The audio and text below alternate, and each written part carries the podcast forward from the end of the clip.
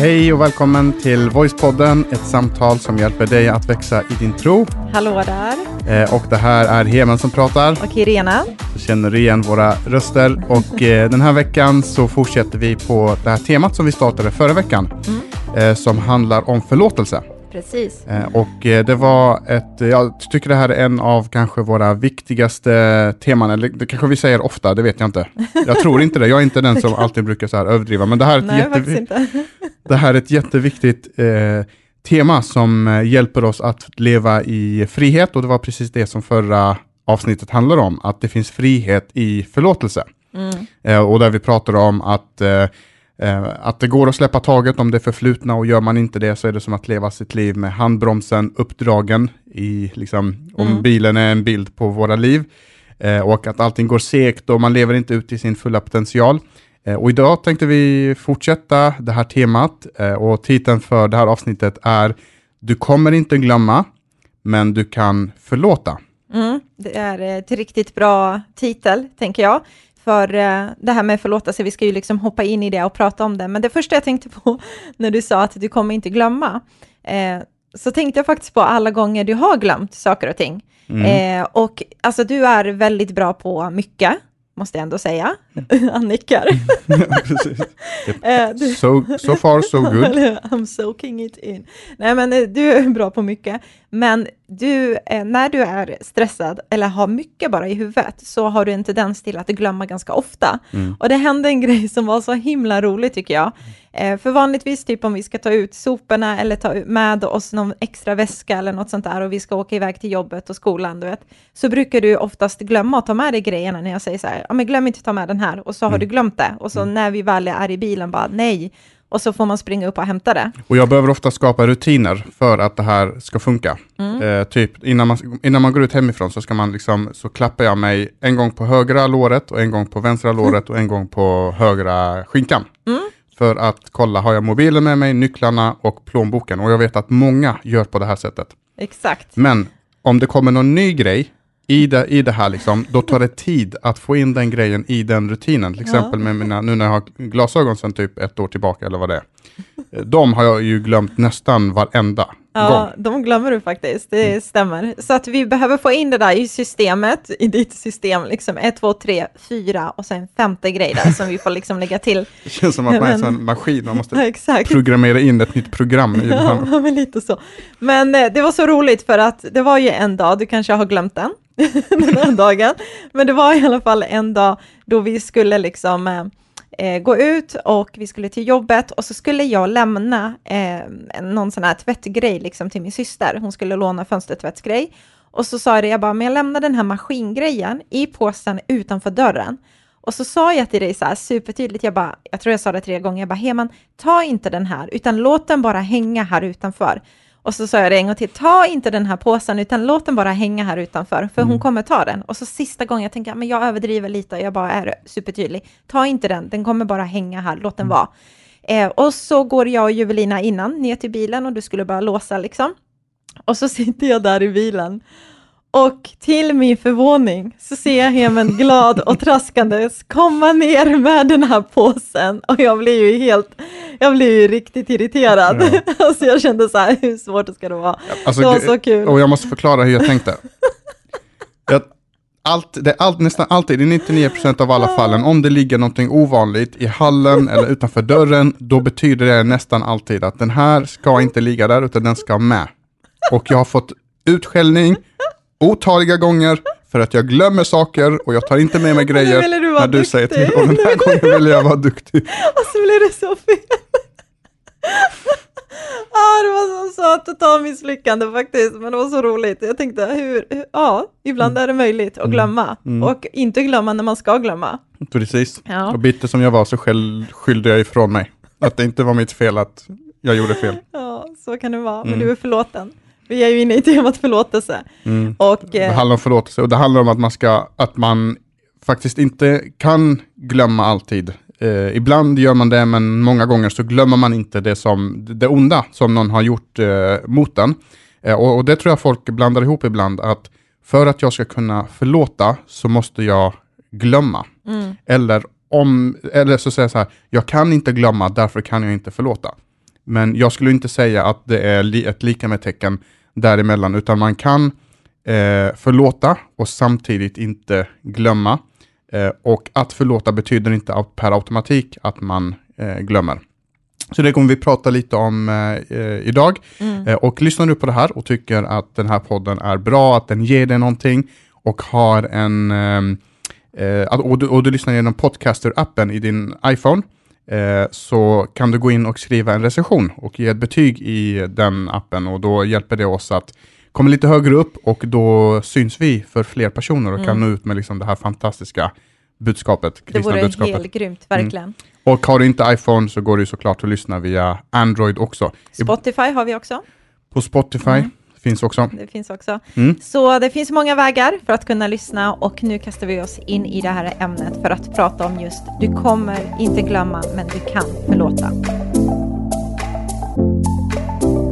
Jag tänker att vi hoppar in direkt och pratar om en person som verkligen är helt hans om någon har liksom rätt till att inte behöva förlåta på något sätt, liksom utifrån allt som han har gått igenom i livet, så är det ändå den här killen tycker jag. Mm. Och då pratar jag om Josef, eh, och det är en kille som du kan läsa om i Gamla Testamentet, från kapitel, i Första Moseboken från kapitel 37 och framåt. Mm. Så kan du läsa om hans liv, vem han var och hela hans story. Men jag tänker att vi liksom målar upp det mm. i stora drag och eh, pratar om eh, hans situation. Precis, och har man sett filmen så känner man igen honom kanske som prinsen av Egypten. Ja, det. det är den filmen men nu ska vi titta, gräva lite mer i detaljerna kring mm. liksom vad som hände eh, med honom. För jag tror att i Josef så finns det en sjukt stor igenkänningsfaktor. För Absolut. att han gick igenom jättebrutala saker eh, och, eh, och sen kom han ut på andra sidan och han kan vara ett föredöme i, i det här. Verkligen. Mm. Och Josef, han var en del av en ganska stor familj. Han hade många bröder och eh, han var den yngste av dem alla. Så han blev direkt favoritsonen där och hans pappa Jakob fick honom när han blev väldigt gammal. Så man kan säga att han var en sladdis och eh, han tyckte om Josef eh, väldigt, väldigt mycket och det visade han på olika sätt, liksom med sina handlingar och hur han var mot honom. Bara en sån här grej som man kan läsa om i hans, eh, om hans liv var att eh, hans pappa Jakob lät honom göra, eller gjorde åt honom en jättefin mantel. Mm. Eh, och den manteln stack verkligen ut, jag kan tänka mig att det var supersnygg och det stack i liksom brödernas ögon och bara varför ska han få den där, mm. den yngsta av oss alla liksom. Och man kan tänka, en mantel, vad, vad, vad är det liksom? Men tänk, tänk om eh, du hade haft några syskon, man är typ så här tio syskon och så är det en av syskonen som får en Ferrari när mm. den fyller 18. Typ på den nivån, en Ferrari som kostar liksom en och en halv miljon, det är på, på den nivån vi pratar. Precis. Så jag förstår att de kände irritation och jag tror den här irritationen var någonting som kanske hände flera gånger. Det var flera saker som man kände. Värst vad du favoriserar Josef, så hans bröder började känna agg, de började känna irritation och de började till och med hata honom på grund av det och hade svårt i att inkludera honom in i det här äh, brödraskapet, liksom in i att vara, ja men mot att de skulle vara vänliga mot honom och så vidare. Eh, och inte nog med det, inte bara att de kände så här, men han är favoritson, värst vad pappa låter honom få vara med om saker, eller han ser mellan fingrarna, eller vad det nu kan vara för något, så får Josef drömmar, han liksom drömmer ganska mycket. Eh, och så får han två drömmar som eh, sticker ut ganska mycket, och det handlar om att eh, de, hela drömmen går ut på att hans familj en gång kommer att buga sig för honom. Mm. Eh, och han är ju ivrig och bara wow vilken dröm jag fått och han är jätteexalterad och han tänker så här, tänk att jag får vara en del av det här och han blir kanske lite, jag vet inte om han får storhetsvansinne eller bara är ung och naiv och bara, jag måste berätta det för min familj. Så han kommer dit och så bara, Uh, in their faces bara berättar, hörni, jag vill bara säga den här drömmen jag fått, ni alla kommer buga er för mig. Mm. Och jag kan bara ana hur mycket det måste ha varit liksom ja, en sån enorm irritation för hans bröder. Och I det här fallet så tyckte till och med hans pappa att det där var en lite märklig dröm. Mm. Så även om han var favorit så tyckte hans pappa också eh, det. Eh, men så en dag så var ju de ute och eh, hans bröder ute och vallade fåren och de mm. hade varit borta ganska länge. Och eh, Josef var inte med, han fick inte följa med. Eh, så Jakob frågar och ber Josef, kan du kolla till dina bröder? De har varit borta ganska länge. Och när han närmar sig då ser de honom och pekar på honom och säger kolla, där kommer drömmaren, han som har de här drömmarna. Eh, och eh, det står så här i första Moseboken kapitel 37 och vers 19, så säger de så här, här kommer drömmaren, sa de till varandra. Och så gör de en kom komplott liksom, äh, kring Josef mm. och bestämmer sig för att de ska typ i princip döda honom. Och så står det så här i vers äh, 20. Kom så dödar vi honom och kastar honom i brunnen och säger att ett rovdjur har ätit upp honom. Sedan får vi se vad det blir av hans drömmar. Väldigt så här irriterade. Helt eh. sjukt, det är hans bröder liksom. Exakt, och så säger eh, eh, Ruben, jag tror han var typ eh, ännu yngre än Josef, men han var en av de lite yngre. När Ruben hörde detta ville han rädda Josef ur deras händer och så sa han, nej, vi får inte döda honom, sa han. Spill inte blod, fortsatte han. Kasta honom istället i brunnen här i öknen, men rör honom inte. Ruben tänkte nämligen rädda honom från de andra och låta honom återvända till sin far. Mm. Så en av syskonen var liksom inte med på den här planen utan sa att men vi dödar inte honom utan vi bara kastar ner honom och när de går hem så kommer Ruben, tänkte han, komma tillbaka och hämta och plocka upp Josef. Mm. Eh, så han hade någon liksom, eh, variant där. Och det de gör är att de slår ju ner honom. Och jag mm. kan inte bara fatta alltså, hur det kändes att bli slagen av sin egen bror på det sättet. Och så tar de den här manteln som han hade fått. Eh, och förmodligen i den här situationen, alltså Bibeln är ju så rå också när man läser den, att det, det är inte bara gulle utan de sa säkert inte några fina ord medan de slog honom, utan kanske till och med så välde det ut massa ord av ilska och irritation som de har känt under alla dessa år. Mm. För jag har inte hört någon säga liksom hur mycket man tycker om den här personen eller hur mycket man älskar den här personen medan man slår någon. Nej, Då är precis. man ju inte liksom i sina friska eh, sinnen. Mm. Så. Eh, och vad de gör är att de kastar honom, precis som du sa här, i brunnen. Och medan han blev slagen, medan han blev utskälld, medan han blev slängd i den här brunnen av sina bröder, så undrar man ju liksom, ja men det minsta han har känt var att bli rejält sårad. Det är mm. liksom, på den nivån, det var det minsta. Jag, jag tror, jag tror att, att uh, jag kan tänka mig i alla fall, jag har aldrig blivit slagen av mina bröder och övergiven och överlämnad på det sättet. Inte mer än att det bara var på ett skämt liksom. Ja, men Sådär, precis, man bråkar om en leksak eh, eller så. Uh, men, men jag tror att han var otroligt, otroligt uh, sårad. Mm. och jag tänker inte bara på de fysiska såren, liksom den här smärtan som han, han, han hade, utan den men den psykiska smärtan, att de som står mig allra, allra närmast gör det här eh, mot mig. Det, liksom det känslomässiga våldet som mm. han fick eh, uppleva. Jag tror att också att Josef kanske kände sig förvirrad och undrade, Gud, hur kan du låta det här hända mig? Mm. För man ska komma ihåg att hela familjen liksom var gudstroende, så de mm. trodde ju på, på Gud och de måste, han måste ha känt, var är du Gud mitt i detta? Hur kan du låta det här hända? Ja, men inte bara att han tänkte det, tänker jag. Det är en grej som vi alla kan känna igen oss i och kanske till och med har ställt den frågan i att när vi känner att någon gör orätt mot oss, så ställer vi den här frågan, Gud, hur kan du låta det här hända mig? Mm. Varför går jag igenom det här? Det här smärtar, det här gör så mycket ont. Och jag tror att Josef också var frustrerad för att mm. han kanske tappade kontrollen över, visste inte vad är det jag ska göra, vad liksom den här situationen är, är något som jag inte ens kunde i min vildaste fantasi kalkylera fram. Det är ju helt galet. Mm.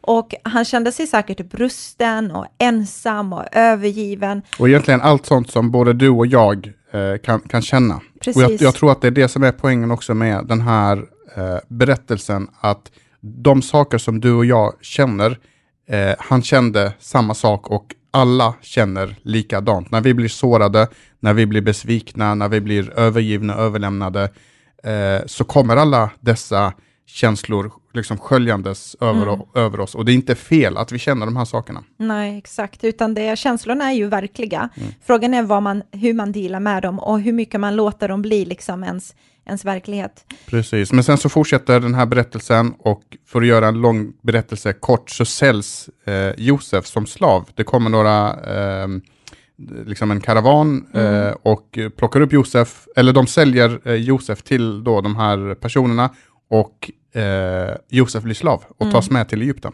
Precis.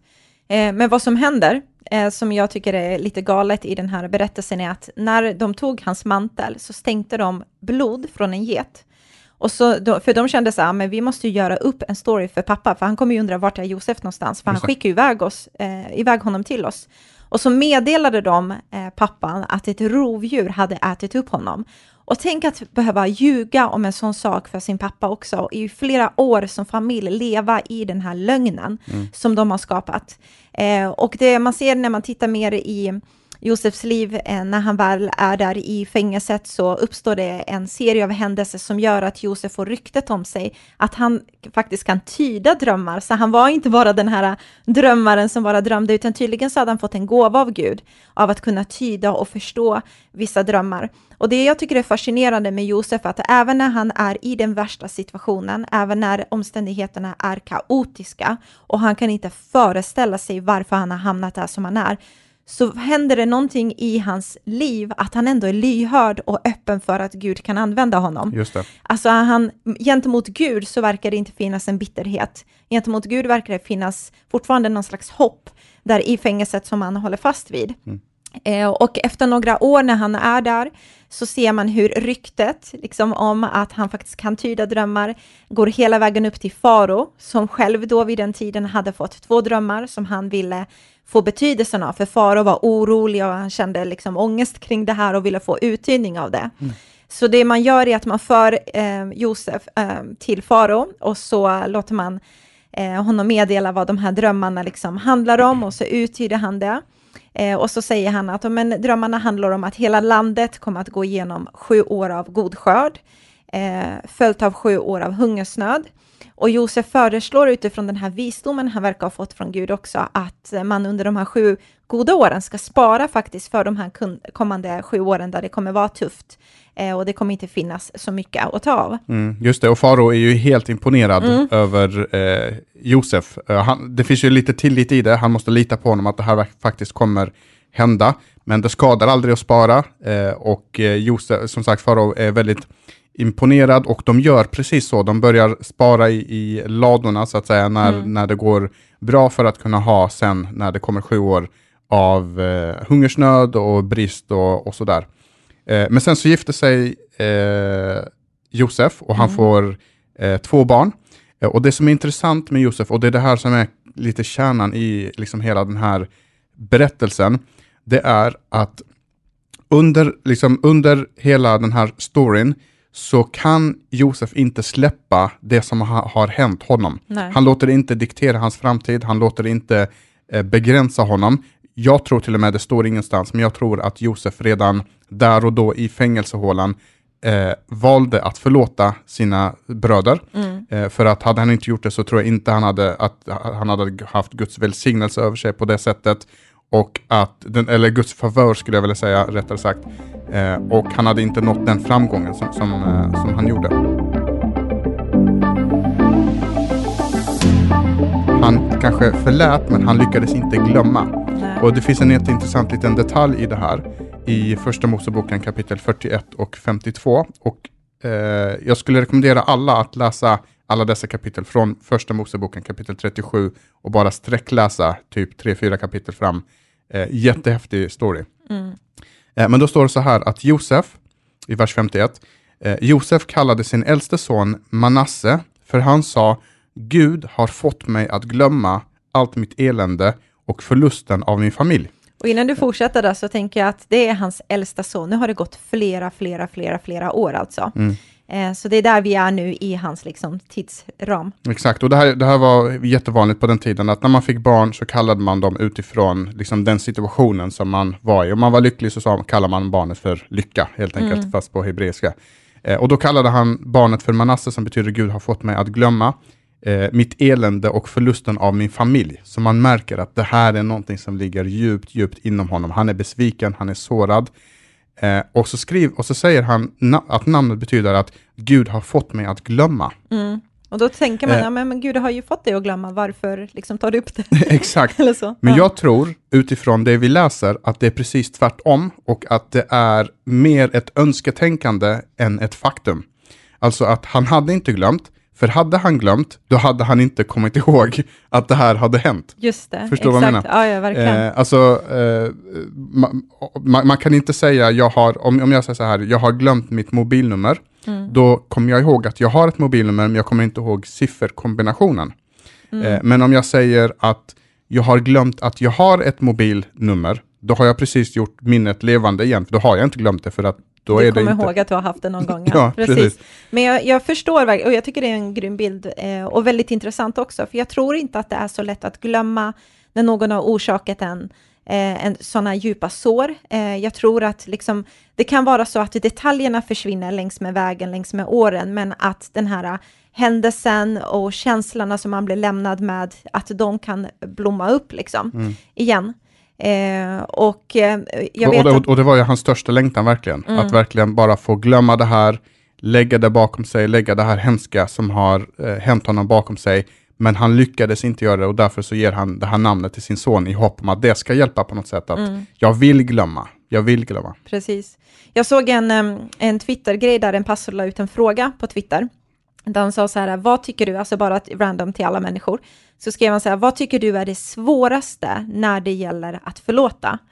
Eh, och jag tror när man tittar på svaren som människor eh, skickar in till honom så kan man bli så eh, förkrossad och brusten och omskakad också, för det finns så många människor i vårt land, i våra städer, inte bara internationellt utan i Sverige också, i kyrkorna, i våra familjer, nära och kära som har varit med om sådana hemska saker. Och bara för att nämna några av de grejerna som han fick in, eh, så sa han så här, jag finner det väldigt svårt att förlåta mannen som våldtog mig. Jag tycker att det är svårt att förlåta personer som trakasserar mig sexuellt som barn. Jag tycker inte det är lätt att förlåta min partner som var otrogen med min kompis. Jag kan inte förlåta min pappa därför att jag fick se på när han slog min mamma i många år. Och jag har svårt att förlåta min före detta kompanjon som lurade mig på alla mina pengar. Och det här är otroliga saker som jag inte ens kan föreställa mig att människor kämpar med och mm. be till Gud om att Gud läk mig, hela mig, jag vill kunna förlåta, jag vill verkligen inte vara en bitter människa, för jag tror inte det finns någon som vill sitta och grotta sig i de här händelserna och tycka att det är trevligt eller tycka att det är behagligt. Mm. Men och, att det på riktigt är svårt. Mm. mm. Och jag vet att det finns, uh, uh, han fick in många, många fler svar än mm. det här och jag vet att det finns massor, tusentals människor som lyssnar på det här, som har gått igenom hemska saker, mm. riktigt brutala saker. Eh, men poängen är här att dina känslor, de är på riktigt och att du inte kan glömma, det betyder inte att du inte kan förlåta. Och att du inte är eh, fel. och, liksom. att, och att det inte är fel att man inte kan, kan glömma. Utan det är precis som du sa, att jag tror till och med att det kan, risken kan finnas att man aldrig glömmer. Man kanske glömmer, precis som du sa, vissa detaljer i det hela. Jag kanske glömmer vilka siffror i mitt mm. mobilnummer eh, jag har, men inte att jag har ett mobilnummer. Inte, jag kan glömma vissa detaljer kring det som hände mig, men inte exakt det som, det som hände mig. Mm. Eh, och, eh, och, och, det, och, det, tror jag är jätteviktigt och ett första steg i att kunna förlåta att de känslor jag bär på, att jag inte kan glömma, det är inte fel. Nej, och jag tror att det är viktigt att vi bara upprepar det igen, liksom för det handlar inte om att du inte ska känna som du gör, för vi förstår att de känslorna är på riktigt och de är verkliga.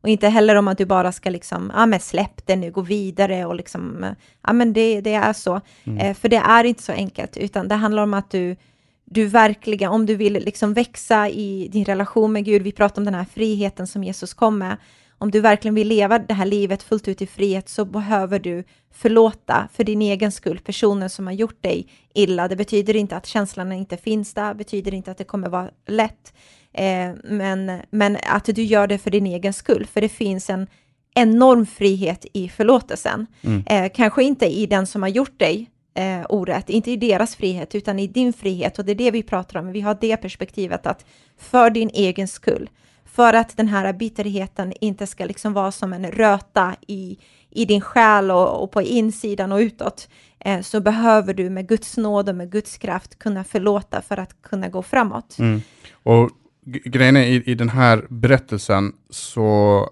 levde, lyckades Josef i alla fall leva sitt liv vidare och många gånger så inser vi också att det enda sättet, den enda vägen som finns nu, det är framåt. Det mm. finns ingen annan väg än att bara fortsätta framåt och det var nog det som eh, Josef någonstans insåg. Eh, och det hände ju en, eh, rolig grej, eh, eller hur man nu ska kalla det, roligt för mig men inte för den andra som också är med i den här berättelsen. Eh, men eh, vi berättade om den här bilen som vi fick när jag mm. tog körkort och grejen är att när jag tog körkortet, samma dag som jag tog körkortet, då var du sugen på att shoppa. Jajamensan. Eh, jag tog körkortet i en jätteliten stad som heter Katrineholm. För många år sedan. Ja, många, många år sedan. Och då ville du shoppa och eh, då tänkte du att kan vi inte åka in till Stockholm och Ja. shoppa lite. Precis. Helt jag tyckte att jag förtjänade efter det lilla utbudet som fanns i den staden, så var det dags att åka till en större stad. Exakt, men Ja. visdomen kanske, hade, vi- hade man varit vis så hade man inte tagit det samma Nej. Mm. dag, utan kanske väntat en vecka i alla fall. Man får bli lite varm i kläderna. Men vi eh, tog det beslutet och så åkte vi i den här Saaben som vi har berättat om. Och eh, bara för att man kan köra bil så är man inte proffs på att köra bil.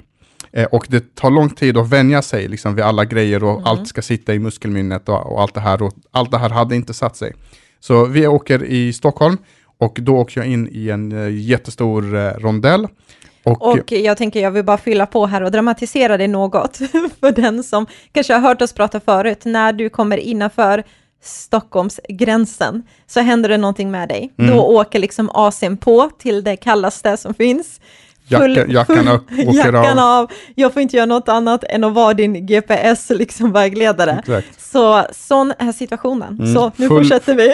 full fokus, det är liksom som att Han det är ska ett så här bara överleva där. Exakt, det är som ett högskoleprov, det är liksom 100% i koncentration, ingen får göra ett nyst, utan alla ska vara 100% fokuserade på denna situationen.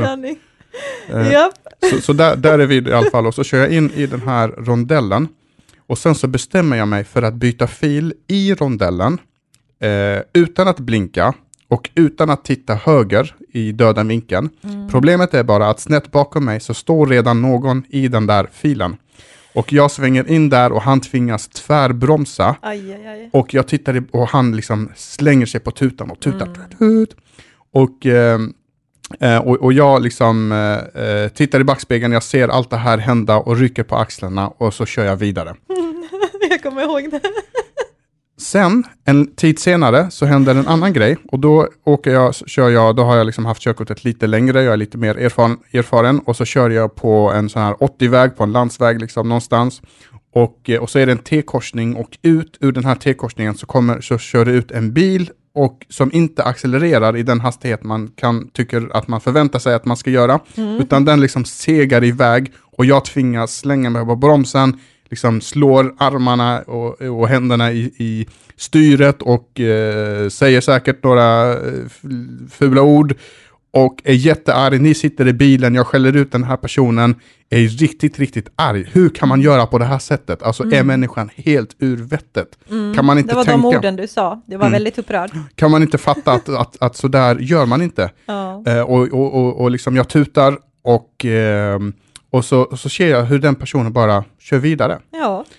Och då slår det mig hur ombytta rollerna är och hur livet kan vara ibland. Att ibland så kan jag sitta i min bil, jag är arg, jag är ilsken, eh, jag tycker att någon har gjort orätt mot mig. Men den andra personen som har gjort orätt mot mig, den rycker på axlarna och så åker de vidare. De bryr sig inte ett dyft om vad jag går igenom, vad jag tycker, vad jag känner, att de har gjort orätt mot mig. Eh, och så kan det vara många gånger i våra liv, att de som har gjort oss illa, de åker bara vidare i sitt liv och, eh, och de, de, de kanske har glömt. De rycker på axlarna, de bryr sig inte. De kanske inte ens tycker att de har gjort något fel. De kanske inte ens tycker och förstår att de har gjort fel, men jag sitter här i mitt liv, i min lilla bil, i min bubbla och är arg och ilsken.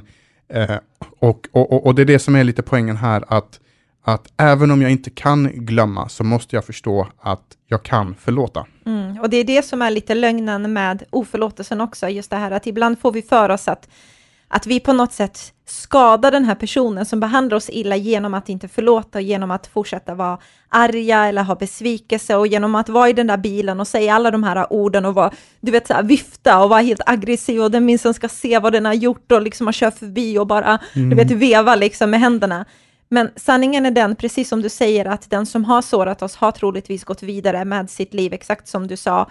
Och de, har, de bryr sig helt ärligt inte, för de går vidare och bryr sig inte om dig, för att de har liksom låtit det vara. Eh, och det kanske är jobbigt att, att känna det, för att man vill så gärna få någon slags upprättelse. Men nu, den här delen handlar om, vad handlar om dig? Liksom, hur kan du få frihet genom att förlåta? Så om vi ska summera det här avsnittet Irena, så handlar det egentligen just om det här att, att eh, troligtvis så kommer vi inte lyckas glömma det någon har gjort mot oss, men det betyder inte att vi inte kan förlåta. Eh, men jag tror också samtidigt att eh, när vi har valt att förlåta så tror jag att minnet av det som har hänt släpper sitt grepp. Smärtan kommer att sjunka gradvis med tiden. Kanske aldrig försvinna, kanske försvinner det, jag har ingen aning. Men, men det ger oss i alla fall förutsättningar att kunna leva vårt liv vidare, leva ut liksom, till vår full, fulla potential.